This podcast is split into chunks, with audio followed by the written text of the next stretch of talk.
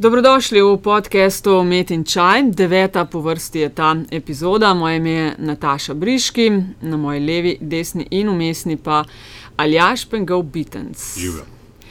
Prijazna hvala vsem v imenu obeh za komentarje, ki jih delite z nami na Twitterju, Facebooku, spletni strani in po elektronski pošti infoafna.metinalista.si.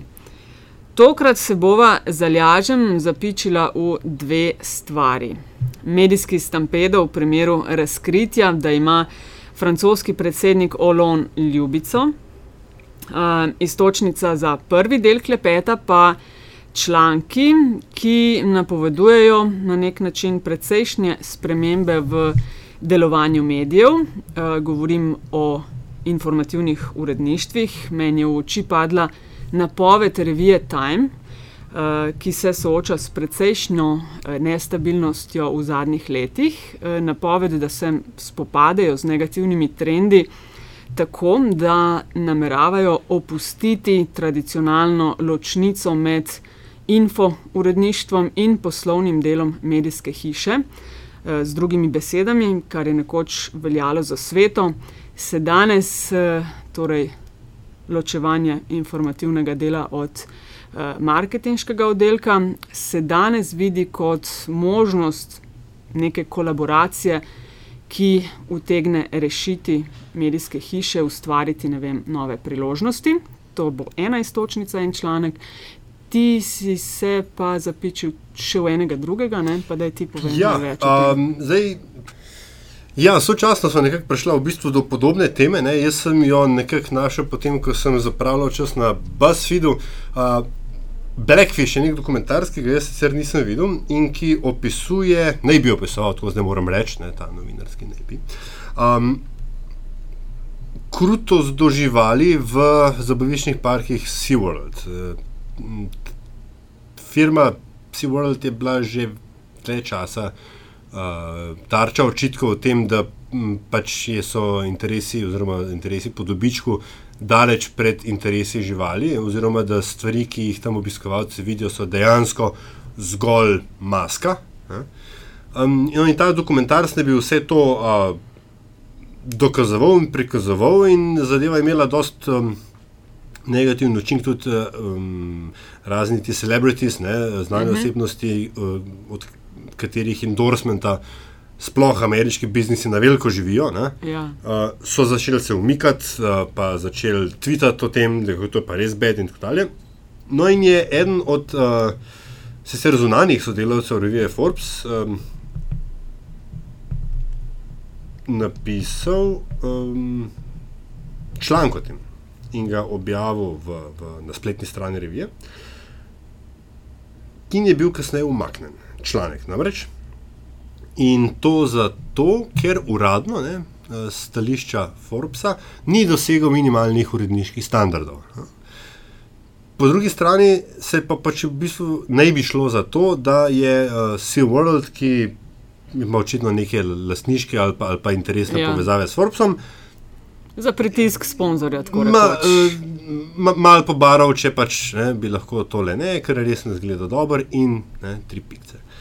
Mm, Zdaj to sem tako zelo na, na, na hitro povzel, ampak uh, tudi cela zgodba je zadaj o tem, kako so potem PR-ovci od SeaWorlda na anketah uh, hkrati potem glasovali, da se to pa ven, vendarle ni, ni narobe, to, kar se dogaja, itd. itd. ne. Mhm. Jaz sem bila, sem tako da malo skočim. Jaz sem bila na Floridi, bila sem v tem uh, SeaWorldu, mm -hmm. sicer v zimskem času in uh, na nek način, nažalost, ker sem si želela to uh, ogledati, v času, ko so prenavljali tisti bazen, v katerem je ta šov z orkami. Mm -hmm. To definitivno je.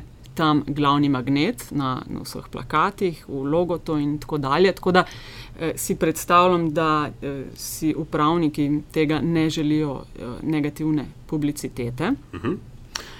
Ja, James, oprosti, James Mc, oje, McWilliams je avtor tega članka, no in on je potem vse, vse skozi to predstavil na, na, um, svoj blog. Ne. na svoj blog. Ne? Ampak pač zgodba, ki jo hočem, oziroma ki jo hočem jaz tukaj noter dati, je to, da je pač uh, v interesu nekega, nekem poslovnem interesu, ki ga pač Forbes ima v odnosu do SeaWorlda, ne, umaknil članek.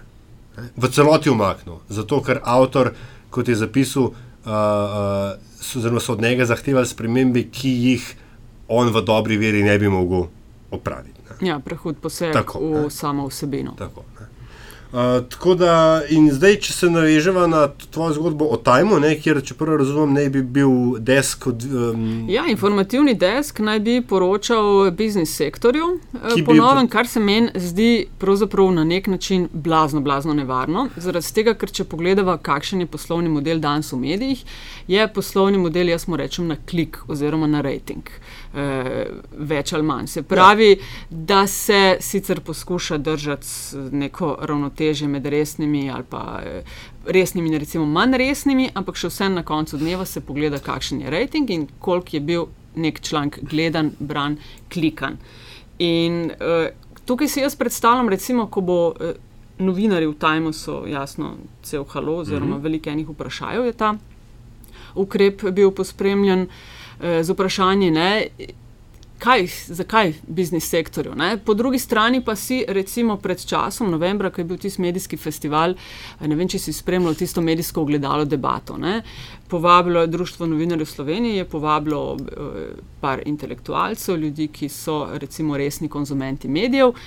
Da povejo, kaj se jim zdi, da je narobe z mediji, predlagajo mogoče kakšne rešitve. In takrat se spomnim, da je imel enega odgovorov in nastopov eh, gospod Darko Butina, sicer ustanovitelj ali pa en človek v zadnji za mimo vrste projektov. Ja, ja. In on je o tem začel govoriti, točno o tem, kar recimo je Time razmišlja, da bi počeli. Ne? Se pravi, o nekem mergingu biznis dela z novinarskim, zaradi tega, ker tako je on rekel. In, uh, ker sama dva delava v medijih, veva, da tudi na nek način zelo drži poslovni model, kakršen je veljal včasih, danes ne velja več. Se pravi, treba si je zmisliti nekaj drugega, stvari novinarske stanejo veliko denarja, kje dobi denar. Gledalci, poslušalci, bravci. Niso navajeni donirati, kupovati, vsi bi za ston neki, brezplačno. Ne? Na drugi strani, če dalje manj denarja na voljo za financiranje, subvencioniranje eh, teh osebin, kje dobi denar za to. In zdaj to iskanje s tem biznis sektorjem, meni se to zdi seveda nevarno. Ne morem pa reči, da uh, zdaj, ni za razmišljati ja, o neki kombinaciji. Ciničen odgovor ne, bi ja. bil, oziroma tako bom rekel tako se gliharski odgovor. Ja. Reč, po eni strani bi bil, ja, pa se s tem samo priznajo to, kar se v bistvu že res dogaja. dogaja. Ja, no, no, to je bila pa zanimiva debata tam v dvorani, ja. ko je on to govoril, je završalo med ja. novinarji. Ja. Hm. Ko smo bili na kavi, na pijači, ja. smo pa sem prišli. Ja. Vse to se v bistvu že Ampak dogaja. Po drugi strani je pa mogoče ta debata koristna zaradi nečesa drugega, ker je mogoče. Nam je dobrodošlo razpihovanje megla med tem, koliko so novinari res podrejeni nekim poslovnim odločitvam uh mhm. -huh. uprave medija, ali pa, ali pa še hujš, ne, tržnikom, kot se ponavadi reče, ja. in koliko imajo uh, vse neke svobode, ki jo mogoče celo ne znajo uporabljati. Uh mhm. -huh. Zato, ker um, če bi tak poslovni, oziroma tako, tak poslovni model je seveda lahko uspešen. Ne? Pod pogojem, da o njem odloča, oziroma da ga upravlja oseba ali skupina oseb, ki A točno vejo, kaj je dober news, oziroma kaj je dober medij, in B, ja. kaj se prodaja. In seveda, da, potem, da potem visi na njihovi um, etiki in integriteti, kako to dvoje balansirati. Hm, to je kar, kar visok cilj. A to je order, kot se temu lepo uh, slovensko reče.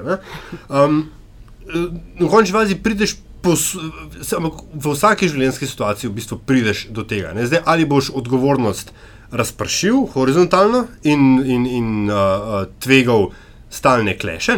In, in gotovo je dolg časa um, so bili kleši med newsdeskom in marketingom uh, epski in, in pogosto zelo verjetno v korist obojih. Uh mhm. -huh.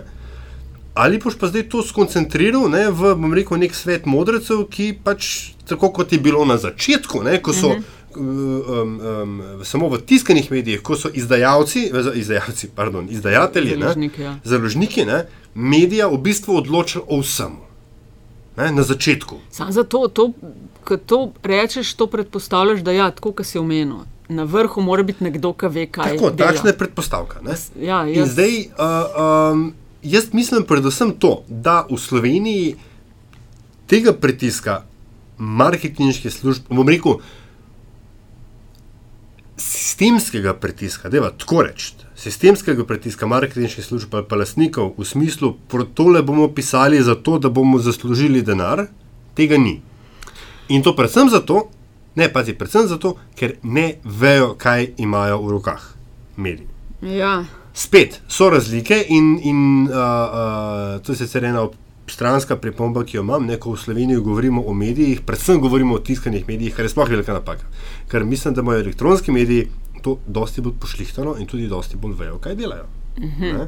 Tudi zato, ker elektronske medije, sploh zasebni elektronski mediji, pri nas so dosti mlajši in so napadli Bili trg. ki- primorani Tako. iskati svoje priložnosti tudi na ta način. Kako... Prvič to in drugič manj, re, manj regulacije, je bilo tudi manj političnega interesa. Ne? Uh, in je, uh, in imaš, veš, zato imaš ti na področju radia in televizije v bistvu dva do tri velike konglomerate, ki pač so, um, ki v bistvu imajo to zgodbo že pošlihtano, kjer seveda uprava določa iz, uh, ne iz političnih, predvsem, ampak iz, iz, iz naslova financ, ne? kaj se bo poročalo in kaj bomo pokrivali.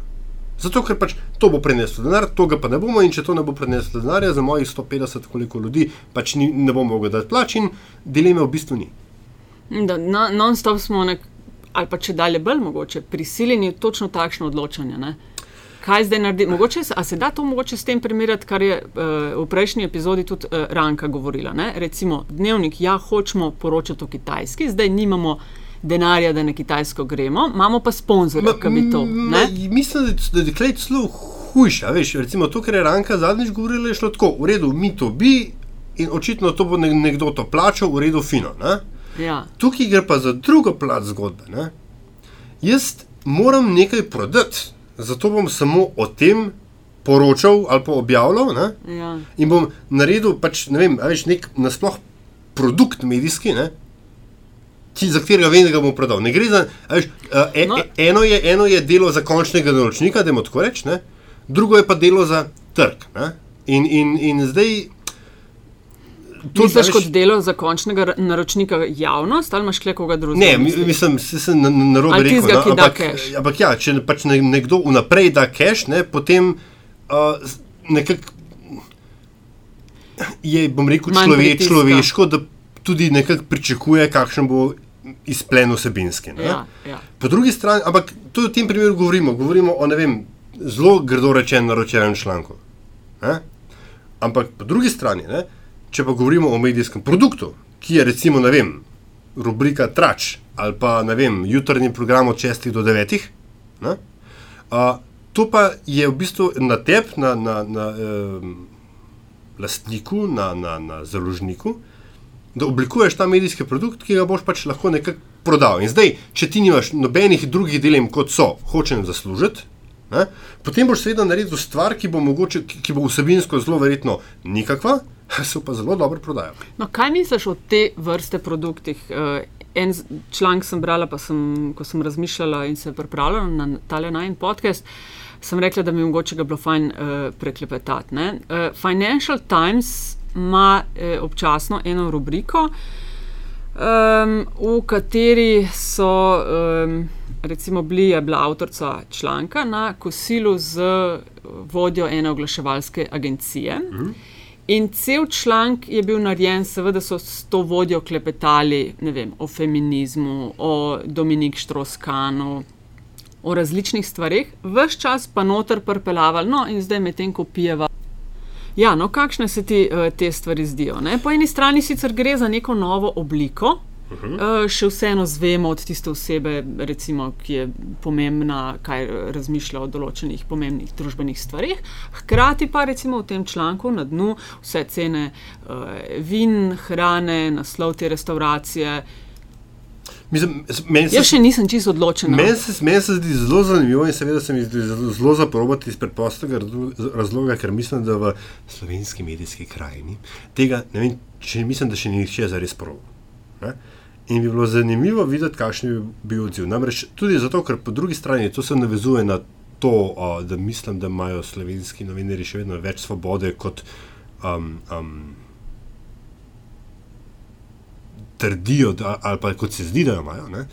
Je tudi ta, da um, Več eksperimentov, da, da, da se tovrstni eksperimenti večini, ne, zdaj pa jaz generaliziram, priznam, zdijo počastjo. Češ, to pa vendarle ni moj posel. Ja, ja. Po drugi strani imaš pa več generacijo mlajših novinarjev, ne, ki pa seveda delajo za resen časnik, potem pa pišejo že za dve priloge in tako Da dalje. lahko A veš, pridejo in- čez mesec Tako, am- in- ampak tudi, kar se medija tiče, ne, Ja. sej v redu, mej, resen news in potem mej, ne vem, zilijon prilog. Če, kupaš, ja. če kupiš nedeljske časnike v Angliji, pa to je 5 kg materijala. Ja, ja, to je sam product placement. Ja, ja. pa ne za product placement, če ti kupiš i- izvod ta, Ja. ja. Sunday Timesa. The Times, mislim, Times noter, ki že sam po sebi, ne vem, če daš vse slovenske sajtnike skupaj, v celem tednu mogoče priješ do, do, do, do to vrstne obsega vsebine, Ja. ja. potem pa še vsaj ene pet prilog, ki je vsaka od njih še enkrat tako debela. Mislim, Pa je v bistvu merging nekih novinarskih znanj ja. Ja. z tako rekoč prodajnem produktu in mogoče res to, kar ti praviš, nismo bili navajeni, ampak situacije so takšne, da je treba iskati pa, nove oblike. Pa ne samo to, v končni fazi, a veš, a, tudi. Zdaj so zdaj zelo posukano slišati, ampak Ja. mislim, ja. gre vendarle tudi za osebno rast. Veš, ker, ker je Kako to misliš osebno Ja, rast? glej, pravijo, da se vse življenje učimo. Ne? In Ja. zdaj je tako, lahko seveda vse življenje poročaš o notranje politike ali pa delaš v centralni redakciji, delam in tako dalje, ne? ampak uh, bog me, ne? če bi se morda v življenju še poskusil kaj drugega, ne? bi morda tudi svoje osnovno delo lahko bolje kle- upravljal. Ampak se kle konc koncev ne gre za nič drugega. Se kle tisto novinarski delo praviš, samo da se vse čas uh, ve, kdo je sponzor. Vprašaj prispevka. PR-ovca, je njihovo delo kreativno ali ni. Pri njih se točno ve, kdo je naročnik. Pa mislim, da so še vedno zelo kreativni, še včasih celo bolj kreativni. Ker, ker novinari zelo pogosto zapadajo ali pa zapadamo v neke ustaljene vzorce, ne? kot je recimo, spomnimo, ne? ta Ja. in ta je naredil to in to. Ali pa kot smo že poročali, ne? itd. so pač neke floskole, ki jih mi zelo radi uporabljamo. In, ampak potem tudi ta miselnost, uh, v smislu, kaj je dober kontent in kaj ni dober kontent, ostane na, vem, ravni 80-ih. Še več, mislim, da smo konc 80-ih delali, so, no, tako reči, delali boljši kontent kot to, kar se dela danes. Mm -hmm. In, in uh, uh, jaz mislim, da bi moral vsaj, evo, se ni vsak za vse, dejstvo. Ampak mislim, da bi moral pa probati. Da ni v tem nič slabega, sploh če je recimo nekje pripisano uh, plačani uh, oziroma oglas. Ja, naj se ve. Naj se ve. Ne pa, a veš, zato imam jaz. Ne pa recimo- se dela, da smo prefini za kaj takega. Tako, zato imam jaz mogoče večkrat problema s kodeksom, o tem ni- nismo prejšnji dan nič povedali. ne. Ja. Ampak, gledaj, mi bi več to un 3, 5, 7, ne, to je super. Pa vsakmu, da če je 5 ur na mesec, pa se lahko tega res gremo, Ja, pa se lahko ja. to res gremo. Ne. Ja, ja, neko si zunaj eh, nekega sistema, je, vidiš, da je kar huda, huda bitka Tako za, je. za vsak. Tako eh, je. Sploh na področju elektronskih medijev, kjer smo mi dva Ja. Se pravi, če nekako potegnemo črto, pa greva na drugo. Ja. temo, uh, nič novega ni za res tole sklapljanje ali pa neke vrste kolaboracija med biznis in news sajtom. Uh -huh. uh, in mogoče velja o tem resno razmisliti, na kakšen način narediti, da bo to košer. Ja, Ne? ja e, to. Namreč, veš, zgodovina se um, ponavlja, zgodovina je spir, ima obliko spirale. ne. Veš, časovna premica sicer se spremenja, ampak če ti pa gledaš od zgoraj dol, imaš samo dvodimenzionalni koordinatni sistem in mi se pa v bistvu skozi vrtimo v krogu, samo časovna komponenta je No, druga. ne. mogoče še kakšen dober predlog pade v komentarjih. Bova Ja, videla, ne, ja, kako bi se to dalo To je- narediti tako, da bi uh, bili obe strani ali pa vse strani. Mislim, da če si iskren ne. do sebe, ne, in si iskren tudi do bralca, poslušalca, gledalca, ja. uh, lahko največ narediš, dosti več kot z nekim, z nekim uh, um, licemerskim, tega pa jaz ne počnem. Ker mimo grede, tudi vem za primere, ne, ko uradno tega niso počeli ne, in so bili zvezde resnega novinarstva, hkrati so imeli pa en ali dva psevdonima in so potem počeli ravno to. Še kaj drugega. Ja. Okay, greva na naslednjo temo, imamo kakšnih 10 minut. Uh, medijski pritisk v primeru Olon. Oh, Uh, na kratko, v enem stavku, uh, pred nekaj dnevi je svetovno javnost, v narekovajih, razburila novica, da ima francoski predsednik ljubico. In v lovc so skočili uh, kar nekaj svetovnih medijev. Um, kako si ti videl, kaj ti vidiš v stvarih, kot so take? Medijski pomp v primeru stvari, ki recimo naj bi bile zasebne. večno vprašanje zasebnosti politikov. Uh, Meni so se seveda takoj začele domačijske, blatnodolske pač paralele vleči, ampak najprej treba povedati nekaj. Francoski predsednik ima jedrske kode. To se sicer večkrat pozabljamo, ampak dejstvo je, da je Francija nuklearna vele sila. Ja. Uh, da vidim, kam boš peljal. Zato mislim, da izpostavljamo, oziroma da, da vprašanje. A, a, kredibilnosti, ne, oziroma v tem primeru zasebnosti, ima večkrat drugačne konotacije kot recimo premijerke ali premijer Republike Slovenije, ki nima nuklearnih kot. Ne. Uh, oziroma, drugače, če smo bolj natančni, ne, so bile tudi situacije v naši zgodovini, ne, ali pa v preteklih letih, ko bi seveda lahko vprašanje tega, ali ima nek uh, senior government official ljubico ali ne, bilo tudi vprašanje nacionalne varnosti. Ne? In zdaj, a, a, medijsko zelo znana je ta zgodba o Johnu Profumu, angliškem, britanskem obrambnem ministru 60-ih let, ki je imel ljubico, tako kot vsi angliški politiki takrat. Težava je bila samo v tem, da je ta ljubica spala tudi z vojaškim atašejem ruskega veleposlaništva in pok. Konc, mhm. afera, odstop, eh, sramota, eh, nacionalni interesi so izdani in človek je moral do konca svojih dni delati na človekoljubnem področju, da se ga spomnijo še po čem drugem, kot potem, da je pač uh, imel ljubico, ki je.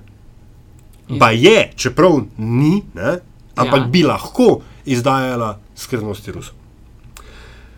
Torej, kaj v primeru uh, Olond? Um, Meni se je recimo zanimivo zdelo, da vidiš razliko tudi mediji v nekem anglosaksonskem svetu, kjer so puritanci eh, ja, malo večji, ja. kot recimo, ko sem gledal ja, francoske. Če tudi v Franciji se to spremenja. In, in... Sveda se vse, ampak recimo malo sem gledala naslove, pa naslovnice ja. angliških, ameriških, ne, to je bilo v velikih primerih sploh v Angliji na prvih stranih, ne, v Franciji pa ne. Ja, je bil bila... talk of the town, ja. ampak ne vem, v francozov, recimo, če bo šel vprašati američane zasebnost predsednika. Ne bo prišel ven takšen odstotek, kot je v primeru francozov, ja. ki je 77 odstotkov. Čeprav, čeprav zdaj tako, veš, spet ne. Zelo veliko se je zgodilo od afere Levinski naprej. Ja. Uh, tudi svetovni politiki so postali dosti bolj podobni enemu drugemu, kakor tudi svetovni mediji. Uh, če je uh, uh, bilo v, m, pač pri aferi Levinski še, oh, so bili vsi šokirani, ja, kako pa zdaj s Clintonom delajo. Ne? Kar je hecno, ne? ker recimo, če pogledaš Kennedyja. Za Kennedyja so vsi, ja, ki so delali v medijih, vedeli, seveda, se lajdrajo. Ta, ta, ta, ta, ampak ta, zdaj kar naenkrat. Ta oh. sprega, a veš, je bila takrat dosti bolj, ne, pač. Ja. Um, ni, ni bilo te hude ločnice med, med uh, oblastjo in, in ja. top mediji. Ne, hočem reči to. Ne? Razlog, da je seveda to na naslovnici vseh angliških časopisov, je ta, da se to dogaja v Franciji, ne to, da bi pač. Ne? Ker se imajo zelo radi. Seveda, ja. če bi se pač izkazalo, da ima John Cameron ljubico. Ja. Mi gre, da to je neki bilo. En, ena hecna zgodba, ampak angliži imajo tudi zelo hude um, te gag orders, mimo grede, to je že tema za kaj drugič. Um, skratka, hočem reči samo to, ne, da je. Uh, Ne, ni več, se mi zdi, tako kulturne razlike med Angliji, Francozi, Američani. Slovenci smo tukaj lahko še mečken bolj Se mi zdi, da smo ne? mi kar prijazni, mislim, da, da, da nismo. Zdaj imamo zelo, zelo cinično teorijo. A, mislim, tako, no. mislim, ja, ne ve, ne. Jaz mislim, da je to, da se pri nas ne govori o spolnih škandalih v politiki, oziroma se govori za zelo omejenem obsegu, žalostno ali pa tragikomična druga stran kovanca, da pri nas vsaka sedma pade po stopnicah ker se ne govori Aha. o nasilju doma, mhm, Aha, se ne govori tudi o korbariji drugot. Zelo, mislim, tikle, jaz, mi, mislim, da mi nismo več blazno uh, prosvetljen in, in kozmopolitski narod. Mi o spolnih škandalih ne govorimo zato, ker se o seksu nasploh ne govori.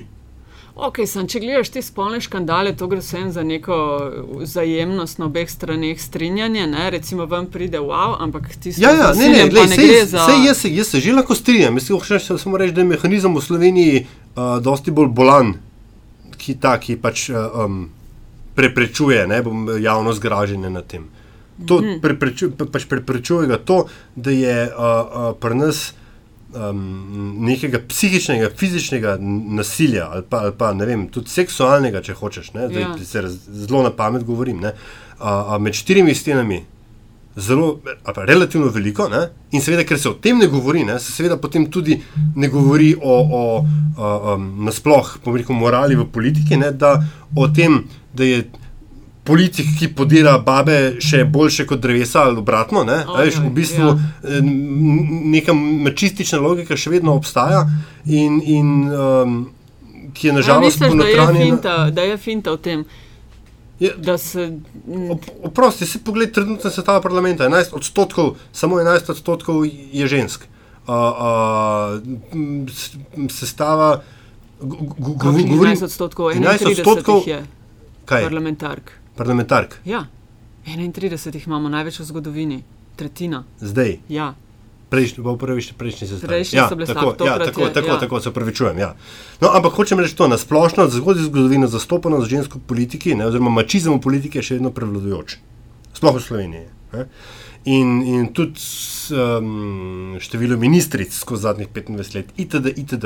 Ne, stvari ne gredo nek, v, nekam, v nekam, neko dobro smer, tako gen, generalno. Še Ok, okay, zelo veliko dela imamo za narediti. In zato mislim, da je uh, dejstvo, da smo mi tolerantni do, do spolnih škandalov politikov, uh, pomeni, da mi še zdaleč nismo naredili nekega kulturnega presoka, ki so ga drugi narodi naredili že v zgražanje in potem nazaj. Hm, jaz moram sicer reči, da uh, si fajn izpostavil tisti primer, da vendarle, kadar gre za te pomembnejše ljudi, kot so predsedniki sploh velikih držav, njihova zasebnost uh, je lahko tudi tisti primer, ko si ga omenil s tole ljubico. Ni čistko, kot če bi povsem en običajen Ja. ja. državljan imel ljubico. Ne. Mi je bilo pa hecno, recimo, ker sem bila še v času uh, dopisnica v Združenih državah, tam je francoski ambasador eh, v Združenih državah, je tam živel svojo ljubico. Uh -huh. No, in ko se je ta ljubica z njim začela pojavljati na uradnih sprejemih, je to razburilo njegovo ženo, uh -huh. s katero sicer že kakšno desetletje po poročanjih medijev ni imel nobenih stikov, ampak je to razburilo njegovo soprogo, ki je prišla iz Pariza živeti v Washington in so si hišo delili vsi trije. In je bilo to v mestu tako ena taka eh, zabavna štorija. Pisal je samo, takrat se spomnim, Washington Post je nekaj malega o tem pisal, Ja. ja. ne, kao menaža trois. Ja, se se škandalizira. Ja, ja, ja. Eh, ampak eh, ni kaj, kaj hujšega, pa na to temo ni bilo, ne, razen Ja. da so vsi diplomati, aha, ta je ljubica, ta je pa žena. Ja, ja. To, da vejo, kako se obnašati. ne? To, da vejo, kako ja. se obnašati. Ja. Uh, zdaj, ta vprašanja zasebnosti in kako to vpliva na uh, opravilne funkcije Ja, mislim, pomembnih da- ljudi. ja. Mene pa nekaj še, kaj pa razkrivanje po tvojem bolezni, recimo, kaj O, z- bolj glej, vpliva na. mislim, da je v- recimo v primeru Drnovška, ne, Ja, je to mislim- bil en tak. No, sej bodimo, eh, bodimo zelo iskreni. Tudi uh, tukaj, mislim pa sploh slovenska politična vrhuška nima nobene resne, uh, uh, uh, mislim, oziroma drugače, lahko ji podelimo direkt negativno oceno. Namreč, ne samo Drnovšek. Ne? Ja. Ko je šel Milan Kučan na levične kamne, se je videl post-festum. Ne, vprosti, a veš, Ja, ja. ker vendarle. Ne, Sam hecno se je Ja, ja, ja. kaj je šel na ledvične kamne. Ja, no, okay. sem, ne, ja. ja. veš, zakaj, jaz se spomnim, mi smo bili že tukaj na tem Radio Chaos, kjer smo tudi danes. ne. Uh, uh, vem, da je bilo uh, en kup policije, je, bilo, uh, je bila povečana prisotnost policije, mislim, temu se strokovno reče. Ne? Pa je šel v različne kamne vendar. Uh, Drnovček je njegova bolezen, tudi smo morali čakati. Da, da smo marsikaj izvedeli. Ne? Ko je šel Janša tisto svojo kito ali kilo operirati, smo tudi zvedeli post-festum. In ko je šel Danilo Tirk na operacijo prostate, smo tudi zvedeli post-festum. V bistvu tvoj point je, da to moramo prevedeti. Ja. Mislim, veš, ker je tako, če, ne glede na to, da nimamo jedrskih konic, predsednik republike je vrhovni poveljnik oboroženih sil. Ne? In če je ta komanda začasno predana predsedniku državnega zbora, mora javnost to vedeti tisti hip, ko se to zgodi, ne potem, ko je že vse mimo. To je eno. Ne? Um, Dobro, samo zaradi recimo takšnih stvari, kot so ledvični kamni, verjetno ne predajo. predsednik je v uh, narkozi. V tistem času, ko je on pravilno nesposoben, ne, mora pač um, poveljniška linija je na drugega, drugega v tem. In tukaj sploh ni nobene dileme. In tukaj slovenska politika falira že 25 let. Uh, kar se tiče uh, ljubic in, in, in oziroma um, prešuštovanja nasplošno, ja. ljubčkov in ljubic. Še mi fajn, imamo teoretično, imamo končno teoretično varianto, da ima ljubčka. Oh, ja, ja, Treba Amp, biti politični partner ali partner. Tako, um, ampak uh, poglejmo, recimo, uh, ko je Borod Pahor kandidiral za, če zdaj pa ne vem, ali bi za predsednika prejel, pač nekaj od tega, je on vnaprej rekel, da on ne kandidira za papeža. He? In s tem implicitno povedal marsikaj, da bi se mu morda lahko teoretično učitalo tudi kakšno tako zgodbo. Ja. Uh, a veš, kar je spet tako. In zgodilo se ni nič, ne, v Sloveniji. Po, terena, ja, po drugi strani, potem imamo pa recimo ta isti uh, premijer Pahor, ne, potem uh, pogajajo se v um, um, um, um, no, arbitražni sporozum, ne, kjer je zdaj tako, a veš. Uh, Vsi smo mogoče malo preveč eh, vohunskih filmov v 80-ih gledali, ne? ampak kaj boljšega, ne, kot svojo, na svojo nasprotno pogajalsko stran uh, izseljevati z raznimi uh, vročimi zgodbicami. Ne? Kaj pa misliš o tem, če greva še mal na, na tole afero z Olonom? Ja. Da je šlo, izbruhnilo je tisti trenutek, ko je imel on, francoski predsednik, pred sabo zelo pomembno tiskovno konferenco. Eh, dolgo napovedano. Na mhm. njej so napovedali neke vrste politični preobrat glede gospodarskih reform, odmik mhm. od tistega, kar je govoril mal v, v kampanji, neke socialdemokratske politike. Skratka, veliko tiskovno konferenco napoveda, eh, napove, napovedi olajšav podjetjem, več zaposlovanja in podobnega. Ob zavedanju, da je Olon najmanj priljubljeni predsednik v zgodovini pete francoske republike od leta 58 dalje, uh mhm. -huh. se pravi 55, ja. 56 let, ne, da je to bila. V novinarstvu rečemo, wag the dog wag zgodba. The dog, ja. Se pravi, da so to lansirali zato, ker vejo, da je to seksi tema, seksi se prevaja kot brano, gledano, ja, klikano, ja. in da bodo novinari, mediji svojo pozornost na mesto k preiskovanju resnih zadev, se ukvarjali s tem, v kateri in čigavi posli je spal. Bili so, recimo, brala sem ene analize, da čisto možno, ne, ne bi bilo ne prvič, ne, ne ja. zadnjič in gre za zelo premeteno PR taktiko. Novinari moreš... pademo skoraj da vsakeč na to. Ja, ne, mor, zdaj, ne moreš reči, da ne, gotovo. Ja. Ne. Um, po drugi strani pa mislim, da je Če kaj je potem morda ravno Francija, ni, ni najboljši teren za to, ne? ker kot smo prej ugotavljali, ne?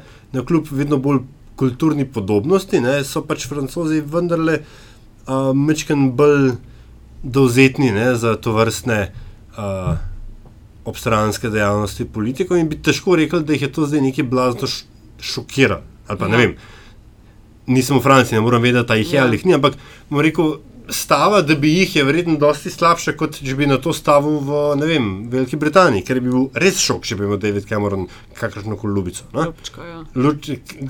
Glej, viš, že, če bi, že če bi javno povedal, da ženo seksa, da bi bilo, a veš, uno, oh, res. Uh, in, in, um, Ampak ja, gledaj, mogoče. mogoče uh, ni za izključiti. Ni, nikakor ne, že če ne drugega, že zato, ker vedno dobro teorijo zarote je treba vedno cent. Ne? Ampak uh, glede na, glede na analize, ki sem jih pa jaz bral, res da z angliško govorečega področja, ne, pa nekako ne grejo v to smer. Namreč, um, da mu to prej škoduje kot ne, ne mhm. ravno zato, ker uh, nekako v smislu, kako bo on zdaj izvajal reforme. Ne, Če še za lastnega tiča nima pod disciplino, ne? se, se prečujem za, za grafičnost. Ne? Ampak, ker, ker uh, treba vedeti, da smer, ki jo je zdaj napovedal, ne? Je v bistvu smer, ki jo je Gerhard Schroeder uh, zapeljal v Nemčiji, kaj je leta 2001. Ajš in, in, in da v bistvu Francija zdaj iz pogojno rečeno socializma prehaja v pogojno rečeno socialdemokracijo, ne, v smislu ideologije, je dost velik news in zdaj ne vem, če. Ne vem, če uh, uh, je lahko ena predsedniška ljubica dost velik um, decoy. Wag the dog, ja. Wag the dog moment za to, mm -hmm. da bi mhm. ljudje zdaj, se zdaj pa samo z njo ukvarjali. Ne? Ker spet, predvsem v Franciji, ni ne prva, ne zadnja. Ne? A Veš, in Vse pa dogaja, ne? recimo, če potegnemo črto, uh, je, so kar pogosti primeri to vrstnih poskusov preusmerjanja pozornosti. Ja, ne? gotovo, ne, Kako saj- od recimo tistega, kar ti se ne da mu to koristi. Ne? Ja, Ampak pomaga pa politično tem- preživeti, gotovo. Ja. Mogoče pa pomaga politično preživeti. Tudi s tega O- vica bi se strinjal. Ja. Ok, Aljaš, um, proti, čist pred, proti koncu podcasta sva. Mava pa eno uh, fajn novičko ne, uh, za naslednjo oddajo. Začela sva klepetati o tem udiranju biznis sektorja v informativne uh, programe. In naslednjo oddajo bomo debatirali, vsaj tako smo že dogovorjeni. Bo naj gost eh, glasbeni urednik na valu 202, Andrej Karoli. Um, Ja, baby. o čem bomo klepetali, kaj je plan?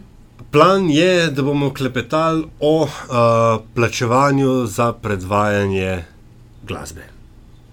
O nečem, kar se v radijski industriji govori že, vem, odkar jaz pomnim, ne, uh, pa vendar jaz sam tega nisem še nikoli izkusil. Uh, me pa res zanima, kaj o tem pač pravi veliki Andrej Karoli. Treba je pa tudi povedati, da je bil povod za ne, tole uh, članek na MMC-ju Ja, uh, pred parimi dnevi, ne, o tem, kako je ena od izvajalk dobila nespodobno ponudbo. ja. Tako da, ja, mislim, da imamo za Bo zanimivo slišati, kakšne so prakse. Ja, Andrej ima, Kakšne ima so prakse, kakšne, kakšne so cene, ne? to bi meni, a veš, ker smo že pri poslovnih modelih. Ne? Ja, Ne? Za koliko se prodaja. Ja. Da vidiš pol za koliko. Ja, da vidim, da malo a veš, mislim, ker tega nimamo cenikov, pa me zdaj zanima, če lahko kaj not prenesem. Ok, če ste uživali in mora biti tudi kaj novega izvedeli ob poslušanju podcasta Met in Čaj, bomo iskreno veseli vaših tweetov, všečkov in šerov, komentarji in predlogi, kako bi bili lahko še boljši. Dobrodošli tudi na infoafna metinalista.si, lahko se nam oglasite na Facebooku, Twitterju. Če pa želite ustvarjanje vsebin na metini listi tudi finančno podpreti, pa lahko to storite na povezavi priloženi na spletni strani. Hvala za vse nazaj in naprej, do naslednjič, srečno.